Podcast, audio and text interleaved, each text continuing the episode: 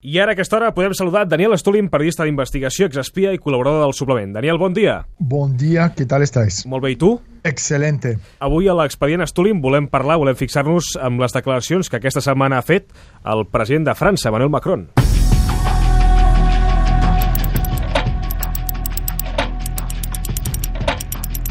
Expedient Stulin. Avui, la França de Macron. El president francès Emmanuel Macron admet que el seu país podria votar deixar la Unió Europea en cas que es fes a França un referèndum similar al del Brexit. En una entrevista a la BBC, Macron apunta que els referèndums sempre impliquen un risc i recorda que el 2005 el projecte de Constitució Europea ja va rebre el rebuig de les urnes a França. Sorprenents declaracions de Macron perquè ens pensàvem que ell era, era un tio reformista, favorable a la Unió Europea, però veig que, que no, eh, Daniel? Exactamente, no, desde luego no es ningún reformista de la comunidad europea. Macron es agente de Londres, ha sido agente, trabaja para Rothschild, el Rothschild, la familia Rothschild, son agentes del Imperio Británico. Esto lo vi claro desde hace dos años cuando todavía estaba ahí contestando la elección con Sarkozy y compañía. Uh -huh. Y yo creo que son de las pocas personas ¿no? que se dieron cuenta de eso. Tú ten en cuenta, uh, Ricardo, que una Europa fuerte, una Europa bollante en el plano económico-político supondría un problema considerable para Londres, ya que ese país necesita mercados, aquellos mercados que ha perdido con Brexit. Y vuelvo a repetir, no es ningún secreto que Macron es un producto de la familia Rothschild. La élite mundial ya están pensando, y de hecho ya estaban pensando, en estas consecuencias del colapso de la Unión Europea. Y por ese motivo los resultados de las elecciones francesas estaban predeterminados muchísimo antes de la votación definitiva, de la misma forma a que la victoria de Donald Trump, entendieron los entresijos del poder en profundidad, ya sabían en el año 2014, como lo explico en mi libro, que Trump iba a ganar las elecciones presidenciales en Estados Unidos. Però clar, és que en, en campanya electoral, eh, entrevistes a la BBC, per exemple, Macron sempre defensava que calia reformar la Unió Europea per enfortir-la, per fer-la més democràtica, per tant, eh, eh, les declaracions que feien no anaven pas en aquesta línia. A principios de la próxima década, Europa tendrá que dotarse de una fuerza común de intervención, un presupuesto de defensa y una doctrina común para actuar, enumeró el presidente francés entre los cinco grandes ejes de su propuesta y una veintena de nuevas agencias continentales, entre ellas una dedicada exclusivamente a las políticas de asilo para afrontar la crisis de refugiados procedentes de los países en guerra en Oriente Medio. Les declaracions que feien no anaven pas en aquesta línia. Aquest canvi d'opinió, fins i tot dir obertament, en, una, en un electorat que segurament votaria una cosa diferent a tot això que està dient, es una mica arriscat, ¿no? Políticamente. Bueno, empezamos por la economía, porque al fin y al cabo, uh, vuelvo a repetir, el modelo económico basado en crecimiento ilimitado en planeta Tierra con recursos naturales limitados, lo que se llama uh, modelo liberal banquero financista, ya ha terminado. Y como ha terminado, el Reino Unido, que pronto podría convertirse en tal solo Gran Bretaña, ya que Escocia está mucho más cerca de la Europa, con el tal de Inglaterra, entiende que al salir de Europa necesita mercados. Y al fin y al cabo, la economía moderna es una economía de mercado basado en el mercado de ventas.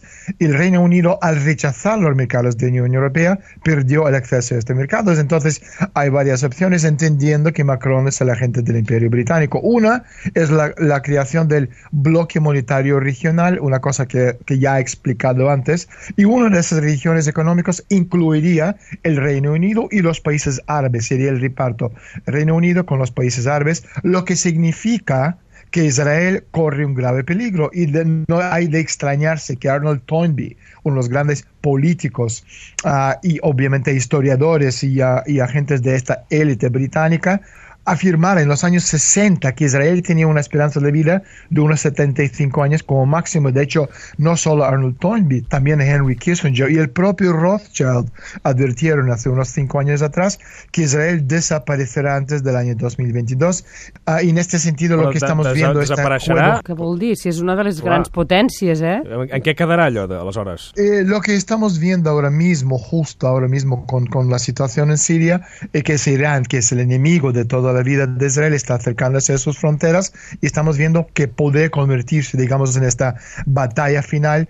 Los judíos en una parte regresarían a Crimea. Poca gente sabe que Putin, por ejemplo, la familia Rothschild negociaron en secreto el acuerdo de anexación de Crimea a Rusia justo con este fin. Y hablando, volviendo a lo que tú me estabas preguntando, en el caso del Reino Unido, su bloque económico regional se centraría en el mundo árabe. El problema es que este plan requiere la eliminación de Israel y estaba claramente pensado para llevar a Clinton al poder en Estados Unidos y como sabemos esto no ocurrió, ganó Trump y con Trump y su lealtad a Israel en la Casa Blanca, el imperio británico necesitaba un plan B y este plan B pasaba por elegir a Macron, que es la gente de los Rothschild, y de esta forma acercar al mercado europeo a los intereses de Gran Potser un dia podríem parlar del tema Israel, eh? Sí, uh, no, no, hem de parlar. Hem de parlar d'això. Veig, veig que hi ha, hi ha tema aquí. Jo volia preguntar-te, eh, Daniel, clar, eh, Macron ha fet aquestes declaracions, però tu com veus en el futur quin tipus de polítiques pot eh, aplicar per, perquè això passi, per, per dinamitar la Unió Europea? Macron como político es un prototipo de lo que podríamos llamar uh, el modelo guerra híbrida 5.0. Si tú eres la familia Rothschild, estás buscando un candidato idóneo sí. uh, para romper el mercado y acercar el mercado europeo a Inglaterra, el nuevo presidente francés tiene que ser alguien ambicioso hasta la médula y fácilmente controlable y mani manipulable. Sí. Es conveniente que cuenta con una orientación no tradicional, entrecomillado porque está muy bien aceptada por el público liberal, y una trayectoria liberal correcta, entre comillas, en aras de consolidar el electorado pertenente. Y también es Macron clavado. Y a su vez debes tener un discurso sumamente populista y eurocentrista, manteniendo en secreto tu auténtico propósito de dividir Europa. Y ojo, en el momento que salió la, la, la candidatura y la figura de Macron a la palestra como figura principal en Francia, mm. en ese mismo momento yo conté entre series de televisión y, y películas, había 25 películas de series de televisión que estaban hablando de justo esta situación. Un hombre ambicioso, joven, que se casa o tiene una elección con una mujer mucho más madura y mayor que él. Y entonces lo que estamos viendo es justo el plan de acercar Macron, que es un ejemplo de Napoleón III. Vuelvo a repetir, yo creo que soy de las pocas personas en el mundo que he visto esta comparación para separar Europa, alejar a Alemania de Europa, empujar Europa a Inglaterra o Gran Bretaña porque necesitan mercado nuevo con la salida de, de Europa. I aleshores veus comparable aquest fenomen de Macron a França amb el d'Albert Rivera, per exemple, a Espanya? Eh, no, no, en absoluto. Eh, vamos a ver, para poder jugar o estar en la mesa de poder, Ricard, tú tienes que estar vinculado y protegido por el poder. Macron es el típico lacayo fiel de los Rothschild. Rivera es un chico que le sirve café. Le encantaría ser el lacayo de alguien, pero aún le falta trepar bastante y denegrarse, como ha hecho Macron y otros, delante del poder para demostrar su lealtad y obediencia ciega al poder. En ese sentido hay una grandísima diferencia entre Rivera, que hoy por hoy es mucho más libre, entre comillas, que Macron, que está absolutamente controlado por el poder tu, británico. T'ho preguntava també perquè a l'hora de, de la campanya electoral, quan va sortir, van sortir els números dels diners invertits en la campanya electoral, per exemple, aquí a Ciutadans, és una de les grans preguntes interrogants que encara no s'ha resolt, dos no? Milions d'euros, Qui no? hi havia darrere aquests dos milions d'euros? Yo no sé exactamente quién participó, quién financió. Cataluña, por, entre muchas razones, en, en, cualquier operación de inteligencia, como sabéis, llevo 24 años y medio, casi 25 en, en, en contrainteligencia militar rusa. En cualquier operación de inteligencia hay muchos objetivos, porque como cuesta mucho dinero, to, muchos departamentos comparten el presupuesto. Entonces, entre muchos intereses objetivos, el tema de Cataluña también, porque España, entre ellos los Borbones y el, el, el gobierno español, estaban muy interesados en recuperar a, a, Gibraltar en el momento que Inglaterra no puede permitirse este lujo porque Gibraltar entre muchas otras cosas es el punto de entrada por el Franco Sur de, entre la droga el, entre el, el ¿cómo, ¿cómo, se llama el, dinero sucio el lavado el tráfico de, de, etcétera etcétera. Entonces no podían permitirse entonces creando la situación en Cataluña obviamente desviando la atención del gobierno español de, de Gibraltar. Y por otro vuelvo a repetir Cataluña es elemento clave en esta lucha de balcanizar Europa. Tú tienes dos depredadores. Uno es Trump, que representa sí. el lado opositor a los Clinton, los que quieren básicamente desmontar el sistema actual, modelo financiero banquero liberal,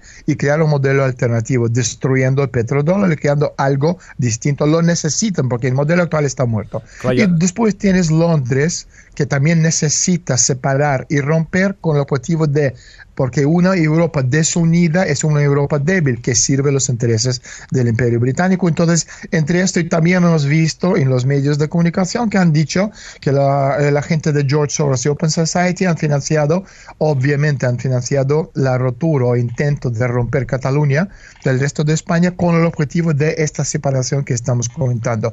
¿Quién más está detrás? No lo sé, pero es bastante fácil de ver. I aleshores aquesta idea de la Unió Europea com a club d'estats eh, és un, un futur, diguem-ne, magre, eh? Yo creo que sí, es decir, el, el, modelo, Europa no tiene futuro en su formato actual.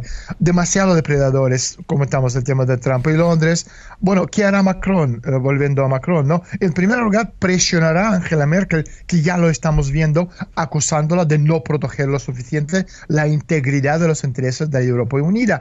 Y lo hará sin dilación, con el fin de complicar y hacer peligrar su posición tanto como sea posible de cara a las elecciones de otoño que ya han pasado y hemos visto que se ha hecho, mientras ella está intentando de formar una coalición gobernable que le está resultando muy difícil. Y en la situación actual, sin votos suficientes, Merkel no puede prometer invertir en la Unión Europea, lo que inevitablemente deteriorará su relación con Bruselas y Macron se convertirá en la salvación, entre comillas, para Europa Unida, propondrá varios planes que no pueden ponerse en marcha sin Alemania y de esta forma creará una gran división entre Bruselas y Berlín. Tiene que romper este vínculo París-Berlín, alejar a Alemanya i abrir el mercat europeu.